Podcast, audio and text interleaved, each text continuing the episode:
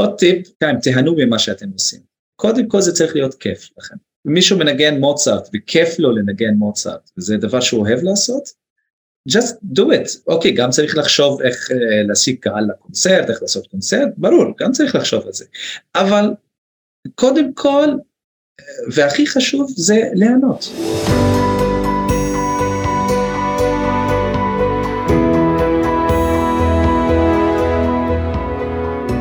להצליח במוזיקה, פודקאסט אופטימי על קריירה במוזיקה, על שיווק למוזיקאים ועל איך לקחת את החלומות שלכם ולהפוך אותם ליום-יום שלכם. עמית ויינר מארח אורחים מוזיקאים, יוצרים ואומנים שמספרים על החיים והבחירות שלהם בקריירה.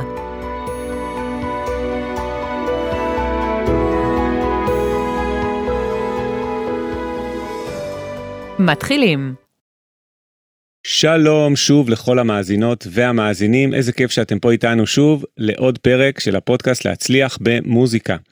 לפני שאני אציג את האורח שלנו היום, האורח המאוד מיוחד, פאדי דיב, אני רוצה להזכיר לכולכם שבסוף הפרק, אחרי אה, מוזיקת הסיום, יש את הטיפ האישי הסודי ממני, כמו בכל הפרקים הקודמים. אז האורח שלנו היום זה פאדי דיב. פאדי, מה נשמע? הכל טוב, הכל בסדר, מה שלומך עמית? איזה כיף שאתה מתארח בפרק הזה, הישר מחיפה. תודה, תודה על ההזמנה ושלום לך ולכל המאזינים. תראה, הסתכלתי על הקורות חיים שלך וזה נראה מאוד מאוד עשיר, אתה פסנתרן ואתה מרצה, ואתה עושה גם מוזיקה קלאסית וגם לא, נכון? אז אני אשמח שתציג את עצמך אה, למי שלא מכיר, תספר מה אתה עושה, מאיפה הרקע המוזיקלי שלך אה, ומה הפעילות המוזיקלית העיקרית שלך. אוקיי, okay, אז uh, קודם כל אני פסנתרן. Uh, התחלתי ללמוד פסנתר uh, בגיל, uh, לא יודע אם זה יחסית מוקדם, בגיל 6 או 7, גיל מוצא כזה, uh, ועד לפני 4 או 5 שנים, כל מה שעניין אותי ורציתי לעשות זה להיות פסנתרן קלאסי. זה, זה התחום שלי, זה מה שעניין אותי וזה מה שרציתי להצליח פה. אה, לפני ארבע או חמש שנים אה, התחלתי אה, לחקור עוד, עוד זוויות בוא נגיד לזה. התעניינתי מאוד בכל העניין של עיבודים במוזיקה, במוזיקה שהיא לא מוזיקה קלאסית, שילוב בין מוזיקה מזרחית ומוזיקה מערבית. התעניינתי מאוד ב... אה, האומנות של ללמד, ואני קורא לזה אה, אומנות, כי זה אכן אומנות בפני עצמה ללמד, אה, וזהו, זה, זה בעצם מה, ש, מה שאני עושה היום, גם פסנתרן, גם מתעסק במוזיקה קלאסית, אבל גם בעוד מיני דברים אחרים. וראיתי שזכית בפרסים ובמלגות מאוד מרשימים, נכון? כולל מלגת פולברייט, אתה רוצה לספר על זה? על מלגת פולברייט שזכית בה? נכון, אז אה, אחרי שסיימתי תואר ראשון ושני באקדמיה למוזיקה בירושלים, אה, אני למדתי עם, אה, עם איתן גלוברזון, פשוט אחד המורים הכי מדהימים שאני מכיר. רציתי להמשיך, רציתי להמשיך ל, ללמוד, לנגן, והתעניינתי בתואר דוקטורט או DMA, שזה דוקטורט באומנויות הביצוע, אין בארץ. תואר כזה, אז uh, חיפשתי ורציתי להמשיך ללמוד בארצות הברית. Uh, וכדי לעשות את זה, uh, ניגשתי, ל... ניגשתי מועמדות לפולברייט וזכיתי במלגה. נסעתי ללמוד באוניברסיטת סטוני ברוק, הלימודים שלי מומנו על ידי מלגת פולברייט וגם על ידי האוניברסיטה עצמה.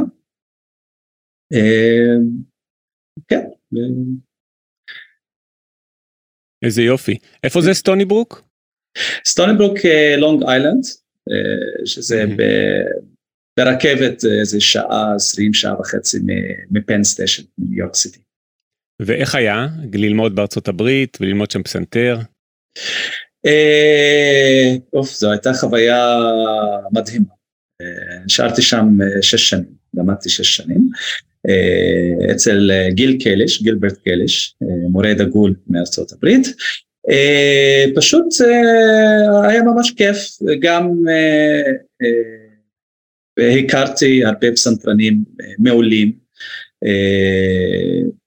אני צריך להגיד משהו על סטוני ברוק בגלל שהקרבה הגיאוגרפית שלה לג'וליארד ולייל, אז הרבה מורים שגם מלמדים בג'וליארד וגם בייל מלמדים בסטוני ברוק, והרבה תלמידים שעשו תואר ראשון בג'וליארד גם באים לסטוני ברוק, אז למדתי גם מהמורה שלי, גם מגיל וגם מההיכרות שלי עם תלמידים אחרים שהם פסנתרנים מעולים ומצוינים. וזהו, עשינו הרבה שם מוזיקה קאמרית, הרבה contemporary music, שזה אחד הדברים שסטוני ברוק מאוד חזקה מהם. נחשפתי למוזיקה הזאת, שאני ממש אהבתי להתנסות בה, זה היה ממש כיף לעשות. וגם מוזיקה קאמרית האמת, בירושלים אכן ניגנתי מוזיקה קאמרית אבל לא באותן כמויות שעשיתי בסטוניבוק וזאת הייתה חוויה ש... שהשפיעה עליי רבות כמוזיקאי וכפסנתרן. מעניין ותגיד לפני שהתחלנו את ההקלטה דיברנו על כל מיני פוקוסים שיש לך בללמד ואיזה דברים חשובים לך בללמד ואני מניח שאתה פוגש הרבה תלמידים מכל מיני גילאים והפודקאסט הזה כמו שכבר אמרתי לך כמה פעמים כשדיברנו לפני ההקלטה הפודקאסט נקרא להצליח במוזיקה פודקאסט אופטימי על, על קריירה במוזיקה ועל הצלחה במוזיקה ועל הרבה דרכים אפשריות להצליח במוזיקה ומתארחים פה באמת המון אורחים ואורחות ממש מכל העולם, שמראים באמת את המגוון של האפשרויות, של העיסוקים השונים שאפשר לעסוק בהם בתוך המוזיקה. אז תספר קצת איך אתה רואה גם את ההוראה עצמה, את, את העובדה שאתה מרצה באקדמיה בירושלים וגם מלמד ב, בעוד מסגרות, גם את הדבר הזה וגם מה אתה בעצם אומר נגיד לילדים ששואלים אותך לגבי העתיד המוזיקלי. אוקיי, אז, אז בואו נתחיל מסוף השאלה. מה אני אומר לילדים ששואלים אותי לגבי העתיד המוזיקלי? אז קודם כל, ללמוד מוזיקה, ילד שלומד מוזיקה, הדברים שהוא מקבל זה, זה מעבר למוזיקה עצמה, אוקיי? לא כל תלמיד או כל ילד שמתחיל ללמוד פסנתר, פסנתר חייב להיות פסנתר.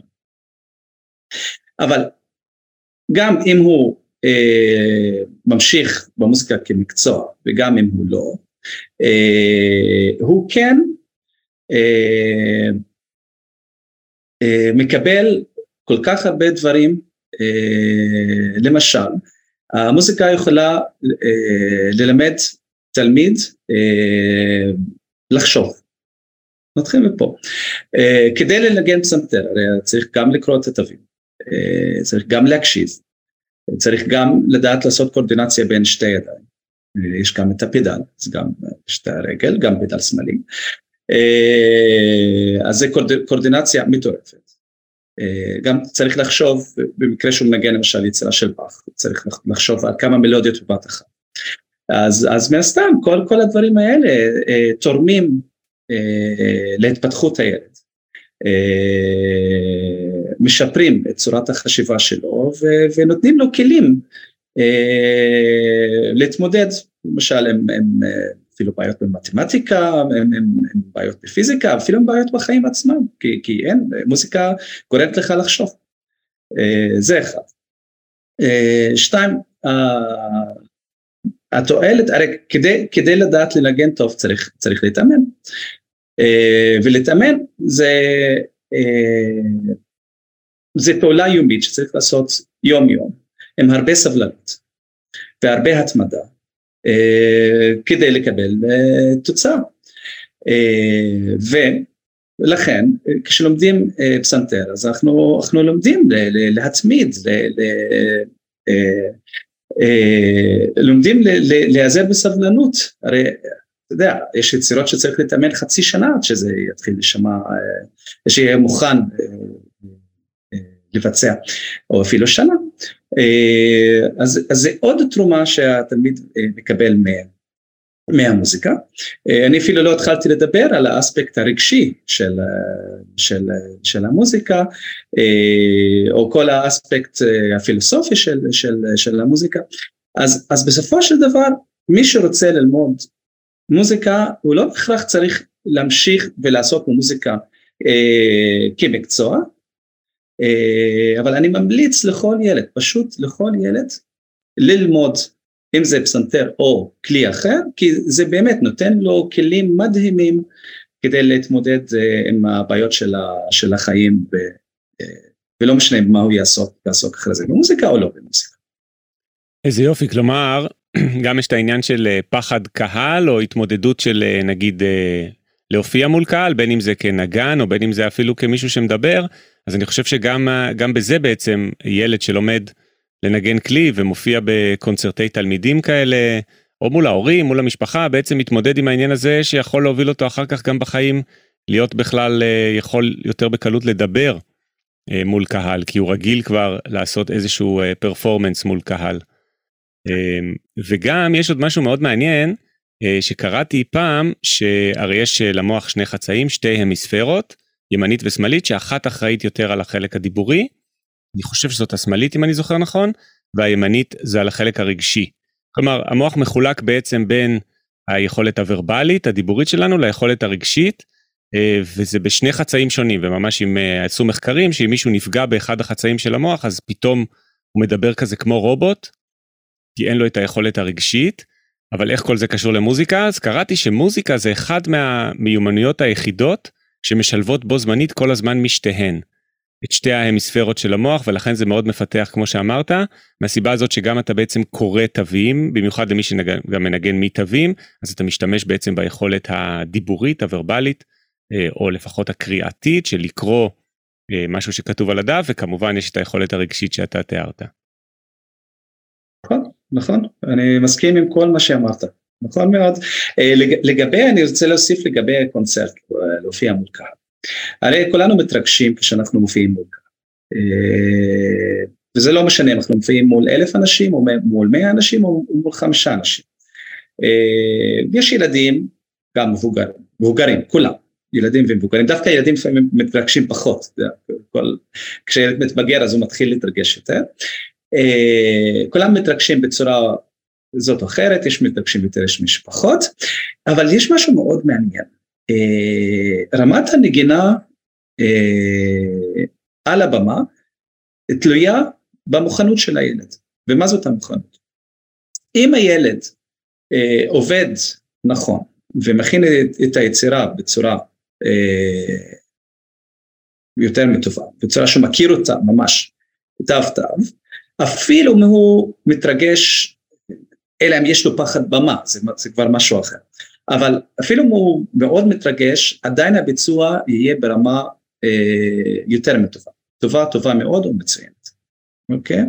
אם, ה, אם התלמיד לא מוכן, זה פשוט לא, לא יצא. מתרגש לא יתרגש, זה לא, זה לא יצא טוב על הבמה. אז מה זה מלמד אותנו? אה, להתכונן. להתכונן, זה, זה, זה, כל העניין זה ל, ל, אה, להיות מוכן ולהתכונן.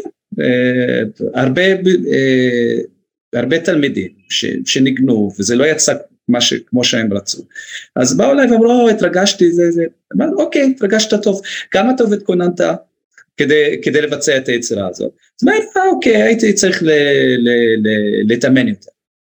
אז, אז מה, מה, מה זה מלמד אותנו? ש, ש, שתמיד, uh, uh, כדי להצליח בפרויקטים, ואני כן מסתכל בביצוע כפרויקט, צריך לדעת, זה השלב שלפני פרויקט, לפני, לפני הביצוע עצמו, זה השלב הכי חשוב. יפה, כלומר בהרבה דברים, גם בעצם מוזיקה, אה, במיוחד בעולם של היום, שהרבה פעמים נראה כאילו אפשר אה, לעשות אה, הצלחה בן רגע ולהיות כוכב בן לילה או משהו כזה, מוזיקה מלמדת מגיל צעיר גם את העניין של משמעת לאורך זמן, ואת היכולת להבין שאם לא התכוננת מספיק, כמו שאמרת, ולא התאמנת מספיק, יכול להיות שההופעה תהיה פחות טובה ואין פה קיצורי דרך בעצם. כלומר בעצם מוזיקה גם במובן הזה האימון של כלי מוזיקלי, כי אין קיצורי דרך, אי אפשר תוך שבוע בפסנתר לנגן קונצ'רטו של רחמנינוב, נכון? אין אדם בעולם שאי פעם עשה את זה. תשמע, אלא אם הוא התאמן למשך 40 שנה, ואתה יודע. אבל אז הוא התאמן, כן. כן, בדיוק, אבל אז הוא גם... אי אפשר להפוך מאפס, אה, ממתחיל בגיל 6, או מעולם לא ראה פסנתר, לתוך שבוע להופיע עם הקונצ'רטו השלישי של רחמנינוב, אין מקרים לא, כאלה. לא, עדיין פה... לא ראיתי מקרה כזה עד עכשיו. כן, זה חייב, אה, זה חייב לקחת את הדרך הארוכה והסבלנית של האימון וכל זה. ותגיד, איך אתה כמורה רואה את הדברים האלה? כלומר, מה הדגשים שאתה שם כמורה? אה, מהי שיטת ההוראה שלך? תספר קצת על זה. שיטת ההוראה תלויה בתלמיד. כל תלמיד שונה, ולכן צריך להתאים את שיטת ההוראה לפי תלמיד. אבל יש, יש דברים שאני יכול להגיד בכלל. אתה כן צריך שהתלמיד, אה, הרי דיברנו על מוכנות, נכון? להיות מוכן. אה, התלמיד צריך להתאמן בבית. הוא צריך, אחרת הוא לא יהיה מוכן.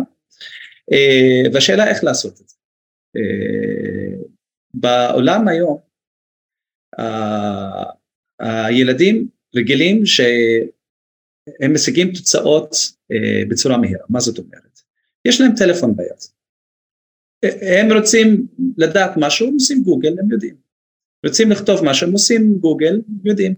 כן. רוצים לכתוב מאמר, יש את צ'אט אה, GPT, אוקיי? וזה עכשיו יותר מבוגרים. הכל בא במהירות. זה... עכשיו, מה לעשות, זה לא הולך עם סנדר, או מוזיקה ב, ב, ב, ב, עם כלים אחרים. אה, ופה יש, אה, יש בעיה. לך תגיד לילד בן שמונה, תתאמן עוד חצי שנה אתה יכול לנגן בקונצרט. כן, זה, זה לא קל. ואם ההורים לא מעורבים, זה כמעט אבוד. אז, אז מה צריך? קודם כל צריך, אה, כל, כל מורה שיש לו תלמידים צעירים, בגילים צעירים, אה, אחד, ההורים צריכים להיות מעורבים בתהליך, אוקיי? כי להתאמן זה לא כיף בדרך כלל. ו, ואתה צריך את ההורה פה, ש, שיגיד, לה, שיגיד או תגיד לבן שלו, שלו או שלה, לך תתאמן.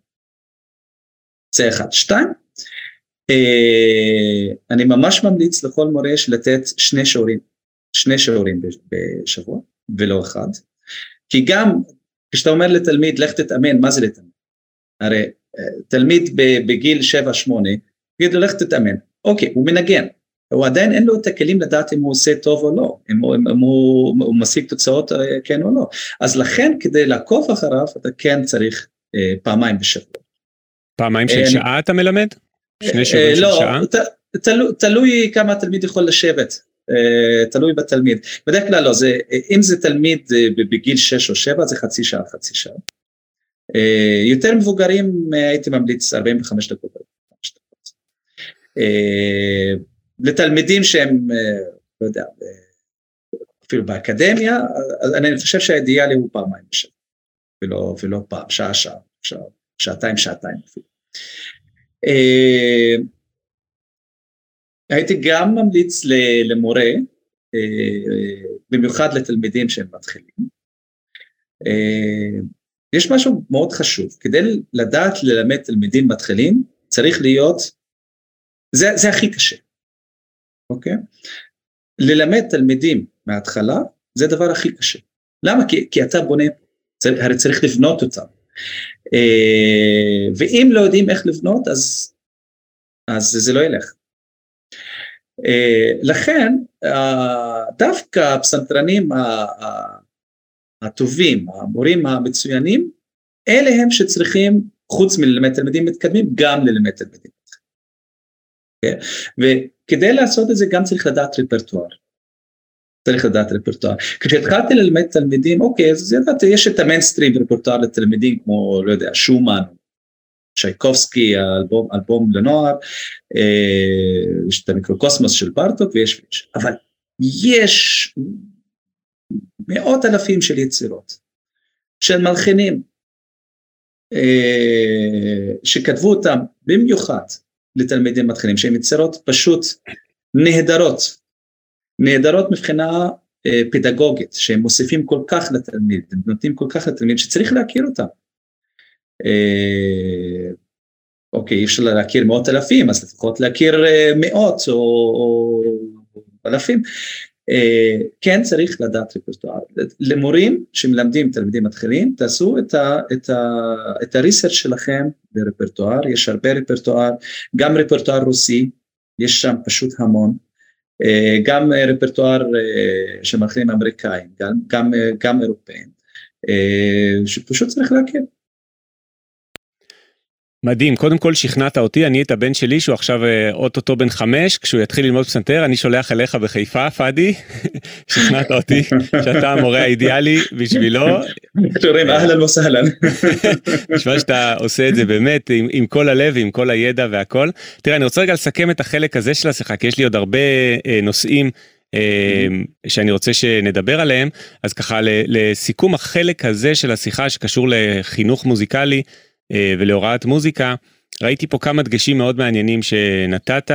אה, קודם כל מוזיקה כמה שנקרא אנטי צ'אט GPT, כלומר כלי שמראה לך שאי אפשר בשנייה אחת אה, לעשות מאמר של 60 אלף מילים, שצ'אט GPT יכול לעשות את זה בשנייה אחת, אבל בני אדם לא יכולים לעשות את הקיצורי דרך האלה, כלומר מוזיקה כאיזה מין משהו שממש מחנך, בוא נקרא לזה בדור ה-AI, שאנחנו דור ה-AI, כל דבר הולך וכבר נהיה קשור בצורה מסוימת ל-AI שמקצר משימות או מחליף בני אדם במשימות, אבל את היכולת לנגן כלי מוזיקלי אי אפשר לקצר בעצם, זה תהליך שהבן אדם עצמו צריך לעבור ובעצם הצ'אט GPT גם לא יכול לעזור לו, יכול להמליץ לו על יצירות לשמוע, הוא יכול להמליץ לו אולי על איך להחזיק את האצבעות, להחליף קצת את המורה אולי לפעמים, גם לא בטוח, כי הוא לא יכול להסתכל על הבן אדם ולהגיד לו תעשה עם האצבע עגולה וישרה.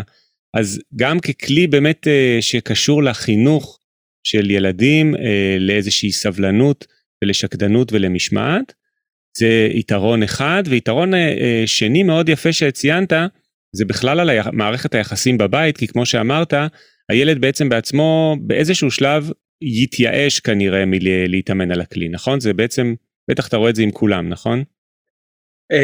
הילד תמיד צריך שמישהו ייתן לו מוטיבציה. זהו. אה, שם המשחק זה מוטיבציה. אה, מוטיבציה ומשמעת. ופה זה תפקיד גם שצריך לתת לפי דעתי שני שיעורים אה, כדי להמשיך לעקוב, וגם יש פה תפקיד מאוד חשוב של ההורים. אנחנו כמורים צריכים את העזרה של ההורים, בלי זה... תשמע, הילד יכול להתקדם, להתקדם פי חמש לאט, יותר לאט, וחבל לבזבז זמן. שזה אני חושב אה, יתרון מדהים גם של בעצם להכניס מוזיקה לילדים בבית, שזה במובן מסוים גם אה, קשור ליחסים של ההורים בוא נקרא לזה ככה, לא הייתי אומר מחנך את ההורים, כי לא צריך לחנך את ההורים, אבל נותן להורים את היכולת להראות לילד איך להיות אה, אה, עם מוטיבציה לגבי משהו גם כשהוא לא מצליח או גם כשהוא מתקדם לאט וכל זה. כלומר זה באמת אה, מעודד מאוד שקדנות וגם אפשר להוסיף כנקודה שלישית את כל מה שאמרנו קודם. על היכולות הרגשיות של, אה, ושל פחד קהל, ואת כל בעצם היכולות גם קוגניטיביות, גם רגשיות, אפילו פיזיות, כמו שאמרת, קורדינציה בפסנתר ובכלים כאלה. אה, אז אני ככה יכול לסכם את החלק הזה שכדאי מאוד להכניס מוזיקה אה, לילדים בבית. נכון, נכון, נכון. תגיד, מעניין אותי גם על פרויקטים אישיים שלך כפסנתרן, ראיתי בקורות חיים שלך כמה דברים שאני רוצה לשאול אותך עליהם, ואני גם רוצה לשאול אותך על ה, עוד מעט על ה... איך אתה אה, רואה את המוזיקה הקלאסית בחברה הערבית בישראל דווקא זה מעניין אותי אבל לפני כן ראיתי שאתה אה, מקליט או שהקלטת כבר אה, יצירות של אמין נסאר שאמורות לצאת על ידי קונסרבטוריון אדוארד סעיד בירושלים נכון אז תספר נכון. קצת גם מי זה אמין נסאר וגם מה זה הקונסרבטוריון הזה ואיך אתה משתלב שם. יפה אז אני אתחיל את הסיפור מההתחלה ואז אני אגיע לאמין נאסר. לא? כשהייתי בסטוני ברוק התקשר אליי אה, אה, בן אדם מדהים, אה, מקסים, קוראים לו גידי, וגידי אומר, אמר לי פאדי תשמע יש מספר, מספר מלחינים שמשותף ביניהם ש, שכולם מלחינים פלסטינאים ובוא תנגן מוזיקה שלהם אז uh, אמרתי, מצוין, אני אעשה את זה. Uh, ואז uh, גידי, גידי בוס, שלח לי את הפרטיטורות, ופתאום אני רואה מולי 7-8 מלחנים, שאני טוב, את רובם אני אף פעם לא שמעתי אפילו בשם שלהם, לא ידעתי שהם קיימים, חלק מהם עדיין חיים, חלק מהם מתים. וזהו, והתחלתי להתאמן על זה, והקלטתי, הקלטתי אלבום, זה היה ב-2013. אה, של יצירות האלה, יצירות ממש מעניינות, יש יצירות שהן אה, כאילו לקחת קנון אה, והפכת אותו לפסנתר. זה, זה ממש נשמע מוזיקה מזרחית לגמרי אבל על פסנתר. וואו. יש יצירות שהן ממש אוונגרדיות, אוונגרד. זה נשמע כמו שטוקהאוזן מטורף כזה. פשוט נשמע ככה, ויש יצירות שכאילו לקחת איזשהו טקסים, איזשהו עיטור מזרחי, אבל אה, כאילו אה, מסיין כתב. אוקיי? זה, זה שילובים פשוט מדהימים.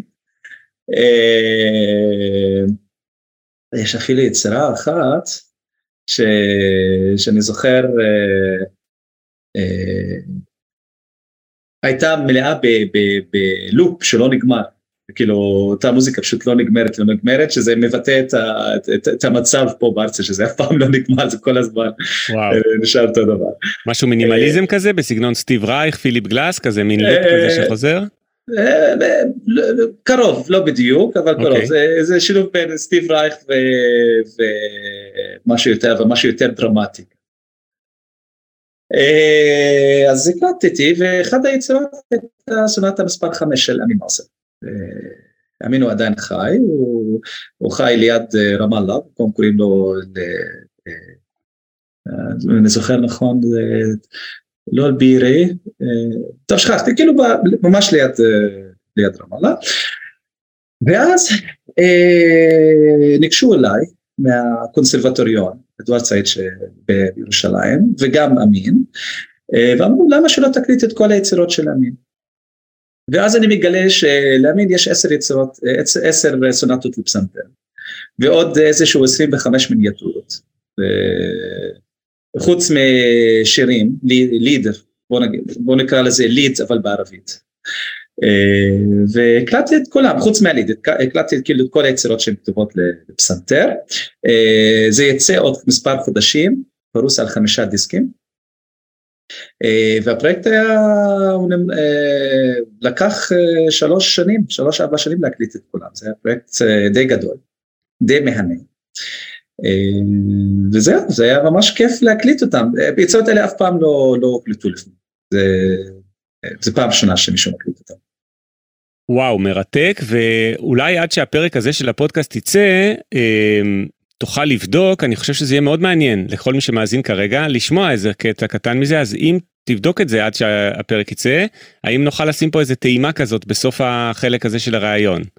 יש, יש ביוטיוב, אה, קוראים לזה אוריינטל וואטס, אה, ויש גם, אה, יש, יש ביוטיוב, אני יכול okay. אוקיי. לשלוח. אז מי, ש, מי שרוצה לחפש, אז אתה אומר Oriental Waltz, by אמין כן. נאסר ביוטיוב? וואלס אוריינטלי. כן, Oriental Waltz by אמין נאסר, יש גם את הסונטה מספר 1 שם וגם סונטה מספר 5. תגיד, ויש לי עוד כמה שאלות פה, מה זה קונסרבטוריון אדוארד סעיד בעצם? קונסרבטוריון אדוארד סעיד הוא הקונסרבטוריון הכי גדול אה, שהוא, אה, שפועל בגדה המערבית, גם במזרח אה, ירושלים. יש, יש להם ארבעה או חמש סניפים. אה, זו קונסרבטוריון, אה, אתה יודע, אה, תלמידים שהם פחות מ-18, יש גם אפילו יותר, שלומדים אחרי הצהריים, גם פסנתר, גם בכלים אחרים, ויש שם מספר מאות של תלמידים שלומדים שם. וזה בעיקר מוזיקה קלאסית או מוזיקה ערבית אוריינטלית? שניהם, שניהם, יש, יש גם, גם ככה וגם ככה, שני העולמות. תגיד, תספר קצת באמת, מהו מקום של המוזיקה הקלאסית בתוך החינוך למוזיקה בחברה הערבית? איך אתה, מה אתה רואה שם? זה, זה נפוץ? זה פחות נפוץ? אה, לא, זה נפוץ, זה נפוץ. אה, אבל צריך להבדיל פה בין שני דברים. אה, לא כל, לא כל אבא או אימא ששולחים את הילד שלהם ללמוד פסנתר, הם בקיאים במוזיקה הקלאסית. אה, הרי אני יכול להיות אבא, אה, לא יודע, חבר שלי שולח את הבן שלו ללמוד פסנתר, אה, ואז אני אומר, אוקיי, טוב, זה נשמע כמו חוג כיפי, אז בואו נשלח את הבן שלי.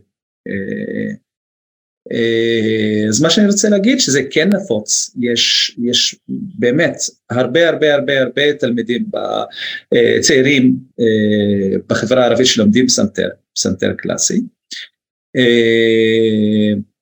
אני לא, אני לא יודע מה, אני לא יודע למה, אני באמת לא יודע למה. אני לא יכול להגיד לך בגלל 1, 2, 3, 4 הם לומדים את זה, אבל כל הרעיון, הרעיון של קונסרבטוריון, של, של לשלוח ילד לקונסרבטוריון ללמוד מוזיקה זה כן נפוץ. רוצה להגיד יותר בצפון, בגליל, גם, גם במרכז, אני לא, לא רוצה להגיד שבמרכז לא, אבל קצת פחות, וגם בדרום קצת פחות. אולי בגלל שגם אני מהצפון אז יותר בקיא, אז אני לא, אתה יודע, לא, לא, לא רוצה להגיד אינפורמציה לא נכונה. אבל כן, זה מאוד מאוד נפוץ, לא, לא חסר תלמידים לפסנתר בחברה הערבית. מעניין, ופסנתר הוא הכלי המרכזי או שיש עוד כלים שאתה רואה שהם נפוצים? לפי ניסיון שלי הכי נפוץ זה פסנתר, שזה דווקא מעניין, כי, כי אתה מצפה שהכי נפוץ יהיה עוד, הוא קנון. באמת אין לי מושג למה זה פסנתר. אני לא יודע. לא שעוד, גם עוד מאוד מאוד נפוץ, גם קנון. באו אליי, היו לי מקרים שבאו אליי הורים אומרים אני רוצה שהילד שלי ילמד פסנתר אבל אנחנו אוהבים מוזיקה מזרחית שינגן דברים של פיירוז ושל פריד אל-אטרש על הפסנתר. אז מה אתם, ולמה אתם לא שולחים אותו ללמוד קנון או עוד? הרי אלה כלים, אחד הכלים הכי יפים בעולם. אה וואלה, אוקיי, אז נשלח אותו ללמוד. מעניין. כן, לכן צריך להבדיל בין ללמוד פסנתר וכן לרצות ללמוד מוזיקה קלאסית. כי מוזיקה קלאסית היא, היא, היא לא רק בחברה הערבית, בכללי, היא, היא לא המיינסטרים. נכון. היא לא, פשוט לא המיינסטרים. גם בחברה הערבית היא ממש לא המיינסטרים. אני יודע, כשאני, למשל, כשאני מנגן איזשהו קונצרט, אז יש לי, בוא נגיד, סתם 30 תלמידים, אז אני רואה ארבע באים. אוקיי? וזה, וזה אומר, זה אומר משהו על הגישה שלהם ללמה אנחנו רוצים ללמוד פסנתר. מעניין.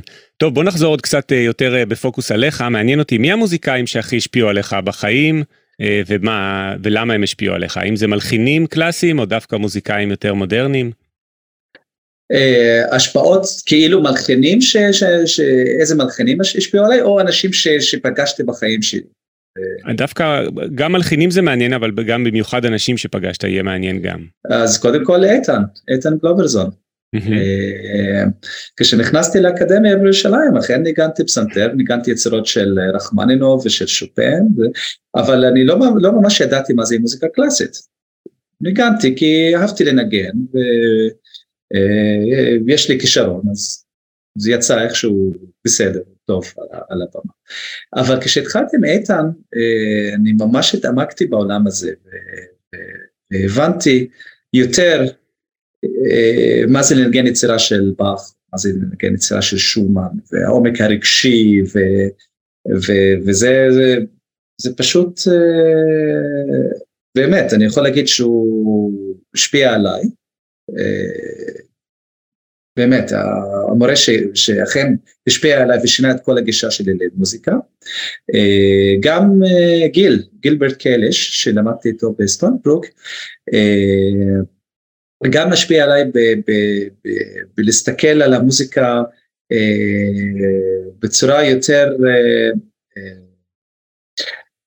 לא, להגיד, לא רוצה להגיד שלא לא לפרטי פרטים, כי פרטים הם חשובים, ברור שצריך את כל הפרטים, אבל להסתכל קצת יותר מרחוק על התמונה הרחבה. וזה דבר שמאוד השפיע עליי, כי כמוזיקאי אני תמיד חושב אחרי שעובדים על פרטים והכל משיגים כאילו בצורה שרוצים, אז צריך לחזור קצת אחורה ולהסתכל על התמונה הכללית של העצם. אז שני, שני המורים האלה השפיעו עליי. גם יש לי חבר ו, ו, ו, ו, וגם מורה, שר אלחל, שהוא מלחין,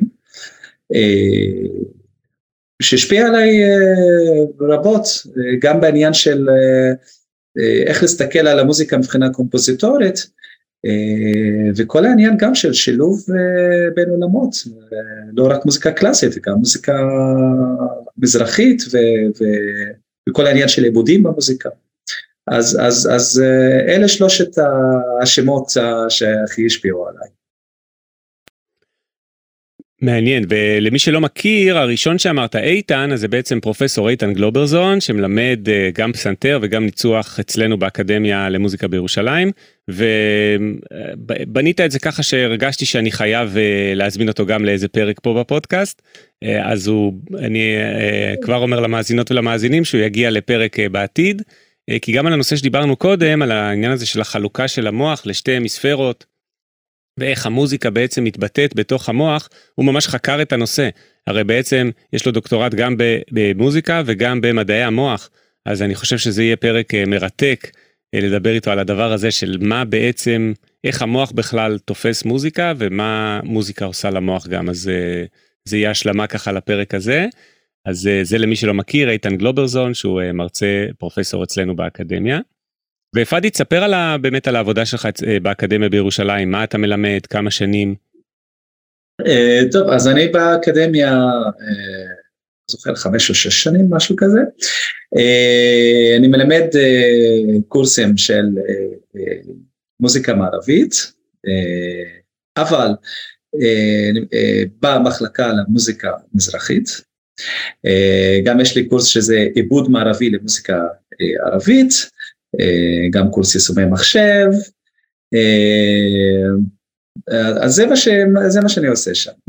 מה זה עיבוד מערבי למוזיקה ערבית? מסקרן אותי. אה, אוף, זה, כן, זה, זה דבר, זה, זה עולם במלואו.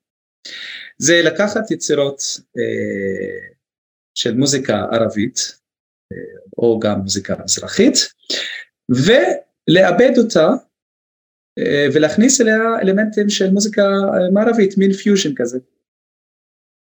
עכשיו, יש פה מתעוררת כמה שאלות. אה, שאלה מספר אחד, למה, צריך, למה בכלל צריך לעשות את זה?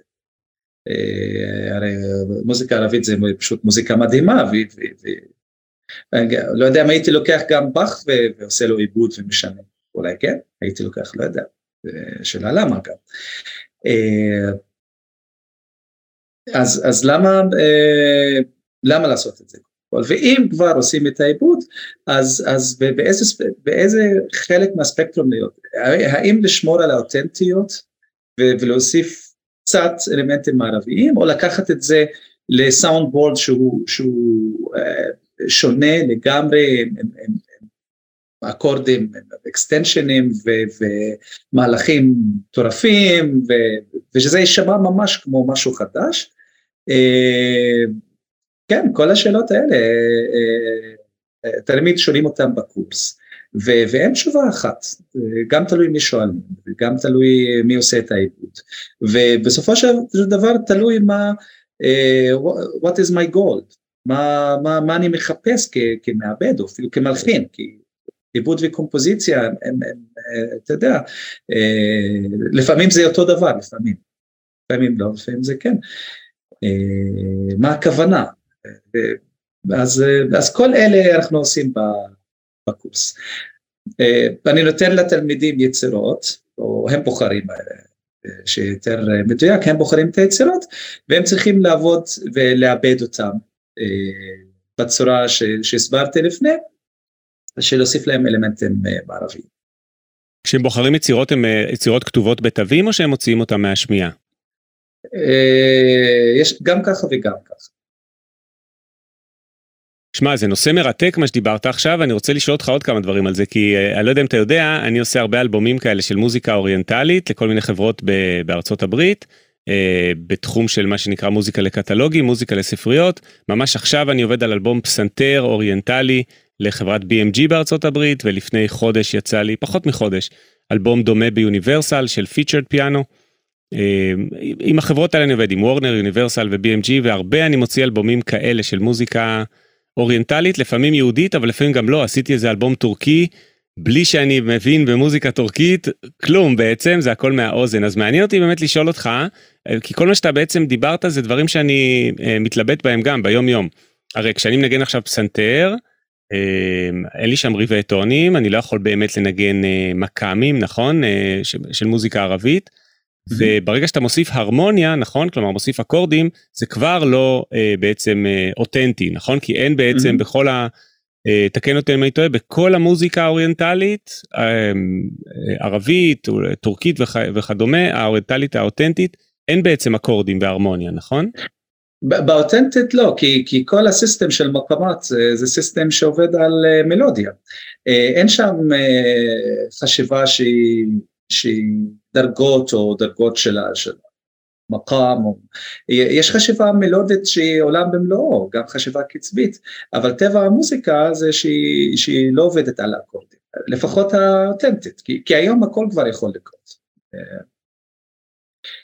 אז התשובה היא לא, היא מוזיקה מלודית בטבעה ולא ומה שאתה עושה בקורס זה הם לוקחים בעצם יצירה שהיא כנראה רק מלודיה, נכון? ואז כן מוסיפים לזה אקורדים? כלומר בעצם הופכים לזה, עושים לזה ווסטרניזציה, כאילו מערביזציה של זה, משהו של חשיבה מוזיקלית מערבית?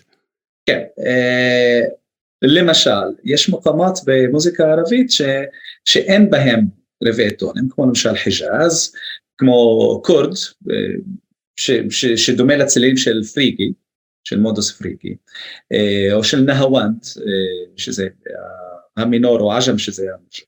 אבל אנחנו אומרים, אוקיי, אפשר לקחת את המקומות האלה ולהרמן אותם, בגלל שאין בהם רבעי טונים, אה, אבל אנחנו, לא, אנחנו רוצים דווקא לקחת מקומות שהם כוללים רבעי טון, כמו ביאט או רסט או סבא, אה, ודווקא עם אלה אה, לעבוד.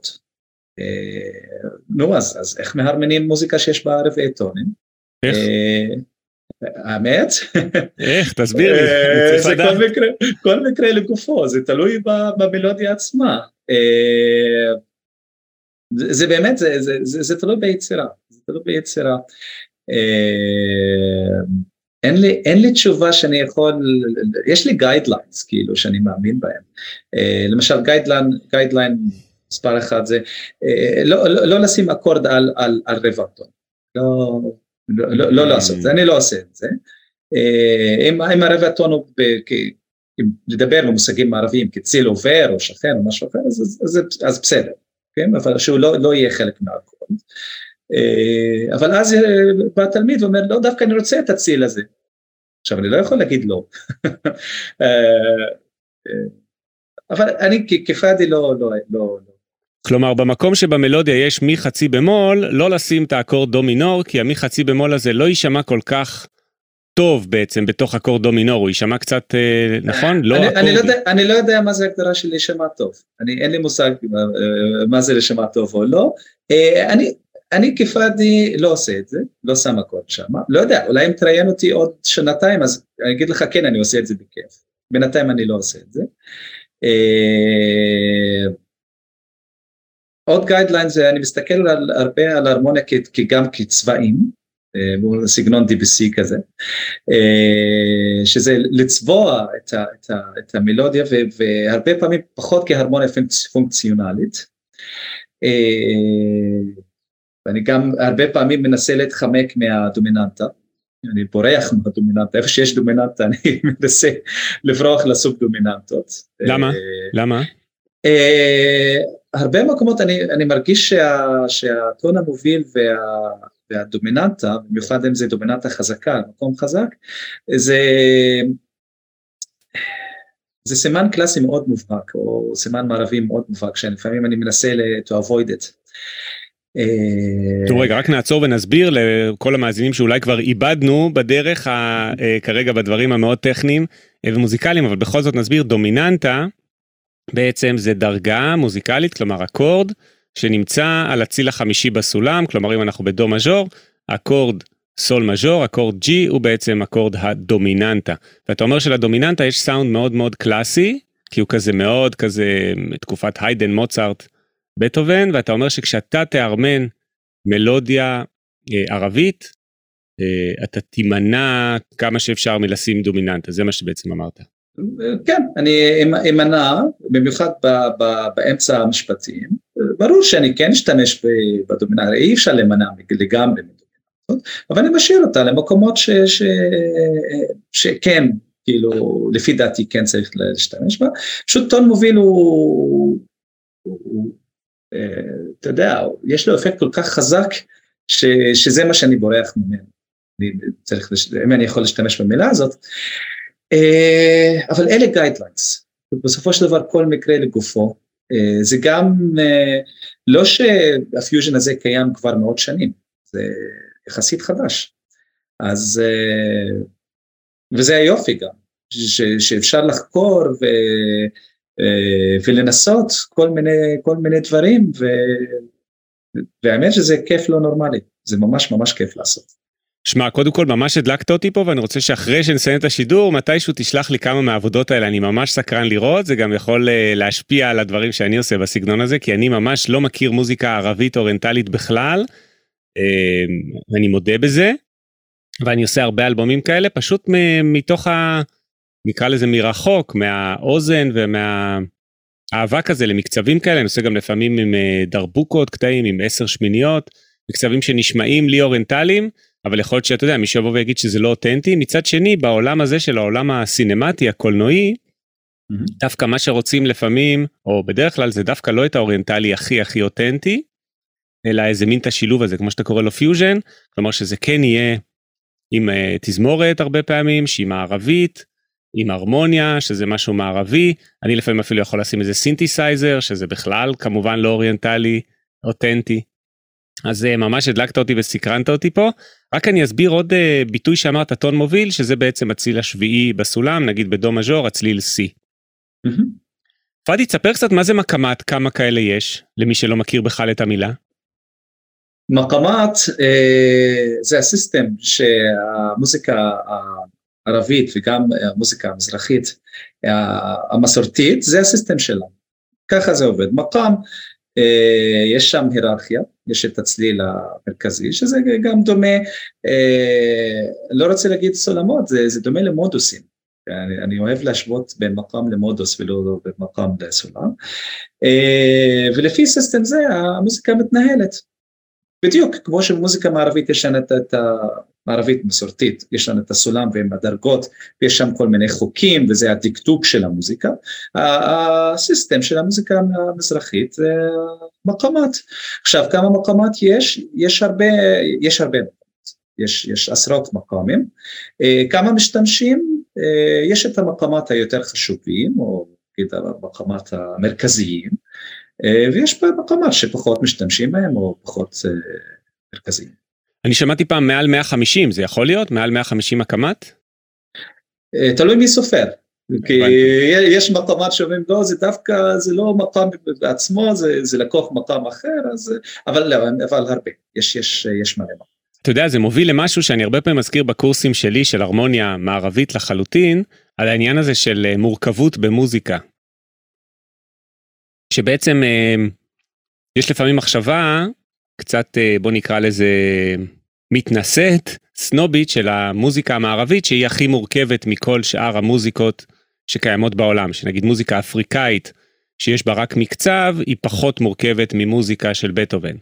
אה, או מוזיקה ערבית שבעצם הבנו שיש בה רק מלודיה אין בה בעצם הרמוניה כלומר אין בה את מה שנקרא הממד האנכי היא אז המחשבה הזאת הסנובית הזאת היא שהמוזיקה המוזיקות האלה החוץ אירופאיות הן פחות מורכבות אה, מהמוזיקה המערבית אה, ואני תמיד אומר בקורסים שלי שזה ממש לא ככה פשוט המורכבות הולכת למקומות אחרים כלומר אם במוזיקה מערבית במוזיקה הקלאסית יש רק שני סולמות מז'ור מינור זהו בכל היצירות של בטהובן 120 יצירות בטהובן 2000 יצירות שבאך כתב אה, וכולי יש רק שני סולמות, מז'ור ומינור, וגם מקצבים, יש רק שניים, זוגי ומשולש.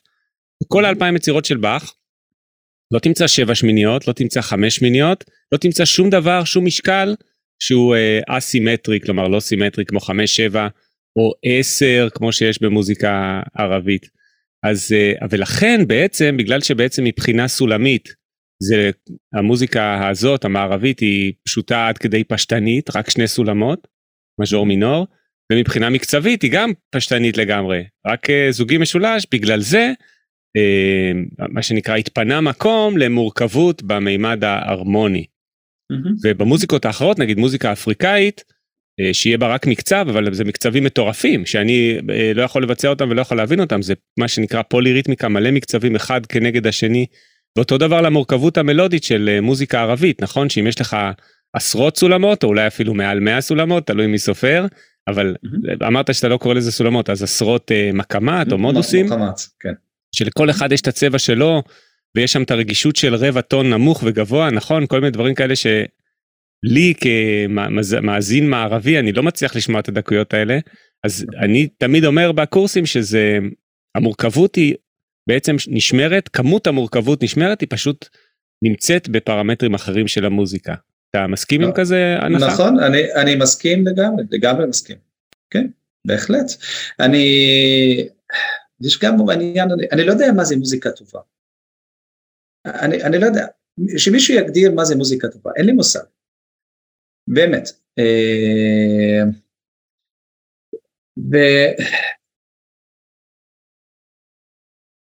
ומה שאני מנסה להגיד ש, שלכל מוזיקה יש את העולם שלה, יש את המורכבות שלה. אה, אם זה מוזיקה מערבית עם כל הקונטרפונקט והמורכבות ההרמונית, או מוזיקה ערבית עם כל המורכבות הקצבית, הריתמית והמלודית, ופשוט כל מוזיקה זה עולם במלואו, זה, זה הכל. לגמרי. לגמרי. טוב, פאדי, אנחנו מתקרבים כבר ככה לשלבים הסופיים של הראיון. אני חושב שהיה ממש מרתק עד עכשיו ונגענו בהרבה דברים, גם שקשורים לחינוך מוזיקלי, וגם למוזיקה ערבית ולמוזיקה בחברה הערבית. אז אה, יש לי ככה עוד כמה שאלות אליך באופן אישי. קודם כל, איפה אתה רואה את עצמך עוד שלוש או חמש שנים? קודם כל, מאושר עם המשפחה שלי. אה, זה, זה, זה הכי חשוב, זה קודם כל. אה, ו, ועושה מוזיקה. אז אה, קודם כל אני מאחל לך את זה שהמשפחה תתרחב ותגדל, נכון? תודה. אה, וגם את זה. ועוד ככה שאלה ממש אחרונה לסיכום, מה הטיפים שהיית אומר? אני מזכיר לך הפודקאסט הוא פודקאסט אופטימי על קריירה במוזיקה ועל בחירות בעולם המוזיקה ומתראיינים פה באמת אנשים מכל מיני תחומים גם מהתחומים הטכנולוגיים של מוזיקה וטכנולוגיה גם uh, אנשים מחו"ל שעושים מוזיקה לסרטים, מוזיקה למשחקי מחשב, uh, באמת מכל מיני טכנאי סאונד, מכל מיני תחומים של עולם המוזיקה. אז מה היית מציע, ממליץ כטיפים למי שמתחיל היום בעולם המוזיקה? מה לעשות? קודם כל, להישאר עם ראש פתוח, להתנסות. Uh, מוזיקה זה עולם שלא נגמר. Uh, למשל, פסנתרן, בוא ניקח למשל מקרה שלי, פסנתרן שהוא, שהוא למד על כאילו להיות פסנתרן קלאסי, זה, זה מה שרציתי לעשות. אבל אז מגלים שיש, אוקיי זה מצוין, ונמשיך לעשות את זה, זה, זה, זה דבר מדהים, אבל יש עוד דברים לעשות. אה, יש, יש כל כך הרבה דברים במוזיקה של היום, אם זה בקומפוזיציה, אה, אה, אם זה לדעת אם זה ללמד, שזה אמנות בפני עצמה, ללמד, אם זה במוזיקה וטכנולוגיה, אם זה בעריכת סאונד, אה, כן לחקור, כן לדעת, לדעת מלא דברים, כי גם העולם היום הוא צריך אנשים שיודעים יותר מדבר אחד. אוקיי? מי שיכול לבוא ולהגיד לך, עמית, אני רוצה להזמין אצלך איזושהי יצירה, אה, והוא נותן לך סגנון בוא נגיד ש... אה, שהוא קצת זר לך, שלא עשית את זה. אז, אז אני מניח שאוקיי, להגיד אוקיי סבבה אני אעשה את זה, ואז לחקור את הסגנון, להתנסות ולעשות את זה, זה, זה, זה, זה, זה, זה ראש פתוח, זה, לא להגיד לא אני רק עושה XYZ ואני לא עושה משהו אחר.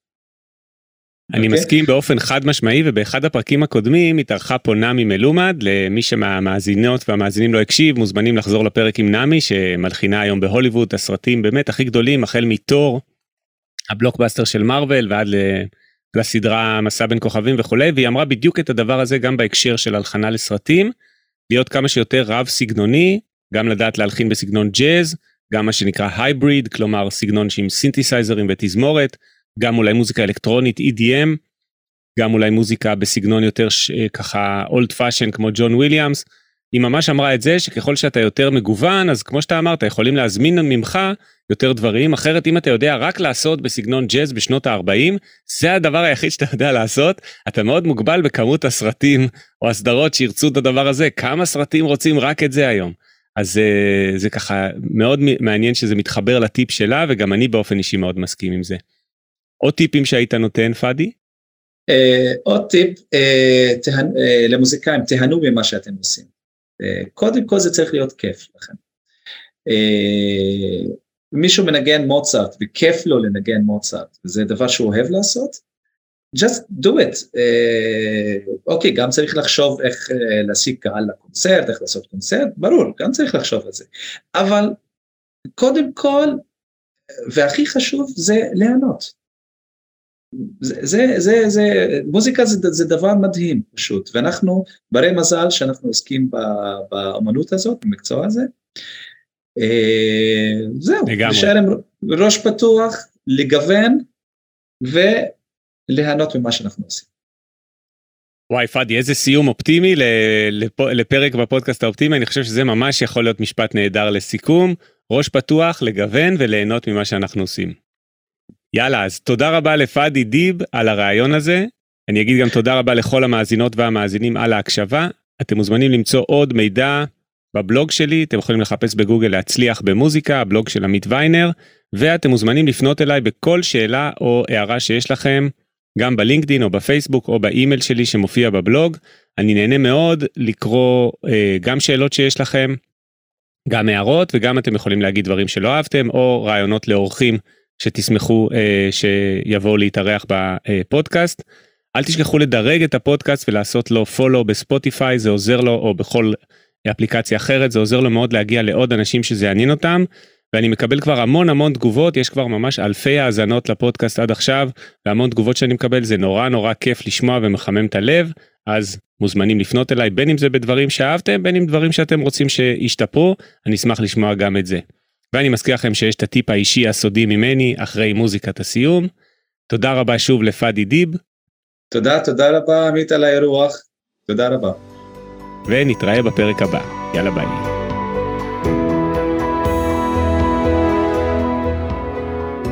להצליח במוזיקה, פודקאסט אופטימי על קריירה במוזיקה, על שיווק למוזיקאים ועל איך לקחת את החלומות שלכם ולהפוך אותם ליום-יום שלכם. עמית ויינר מארח אורחים מוזיקאים, יוצרים ואומנים שמספרים על החיים והבחירות שלהם בקריירה.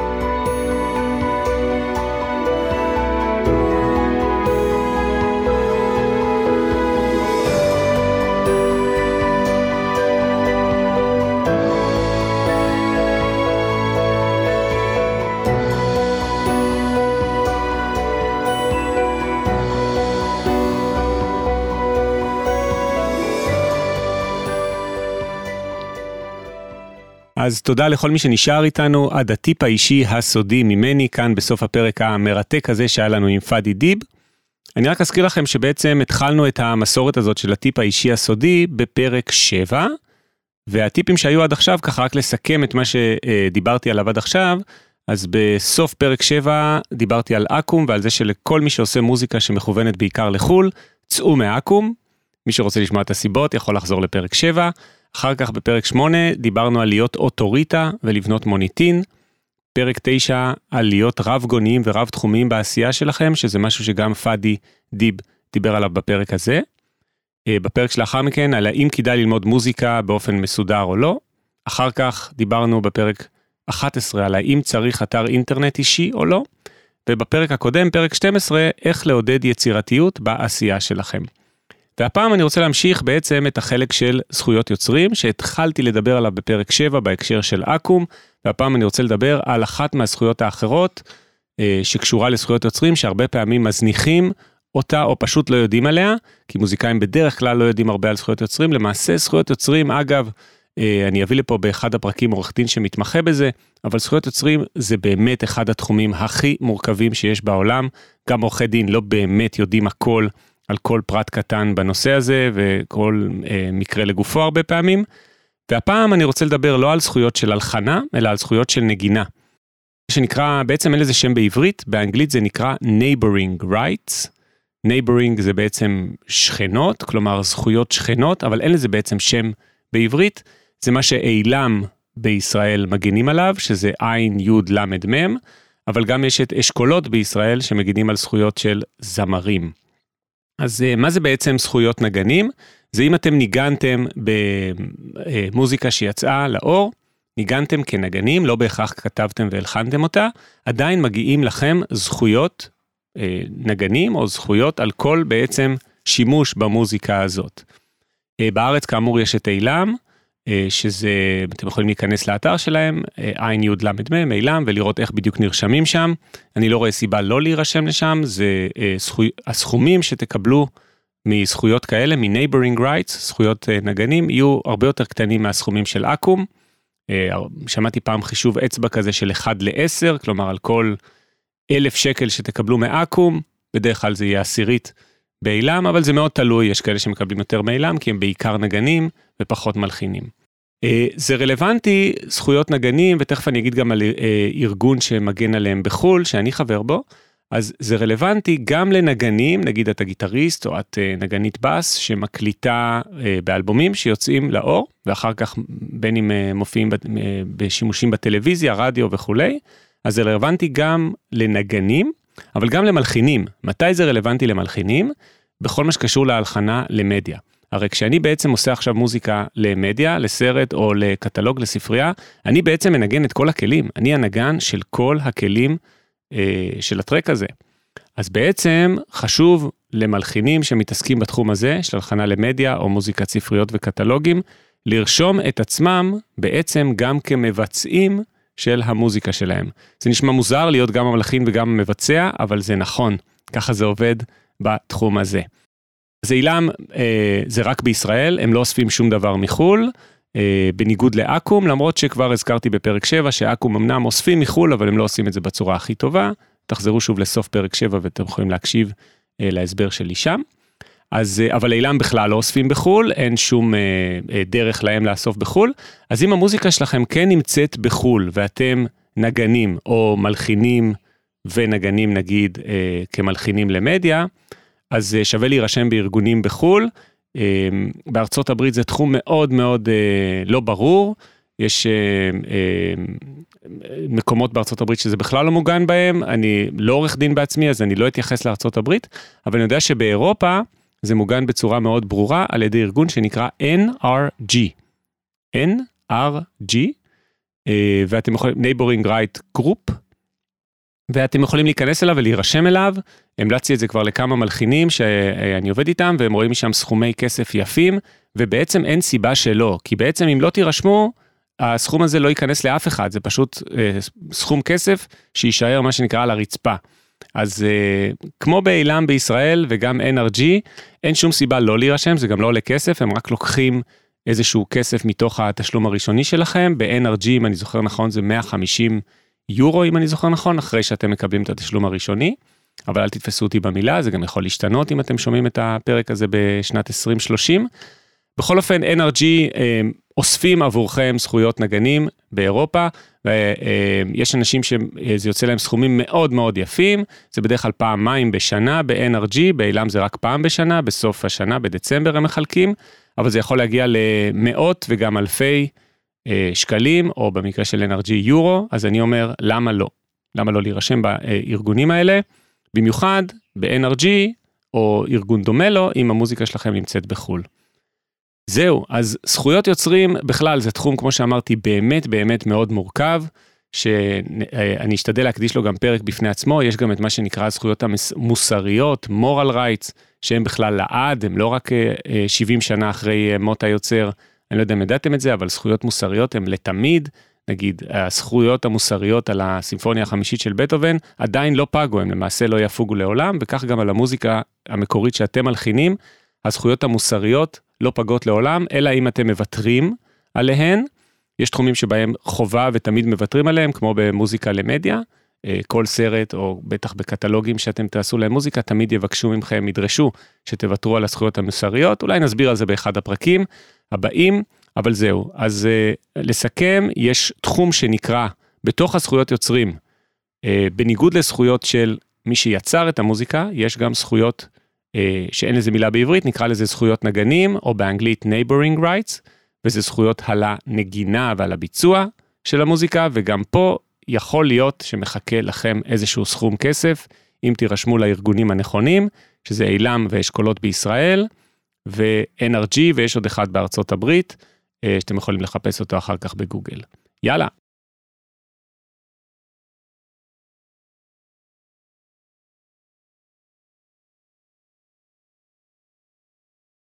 בפרק הבא, ביי.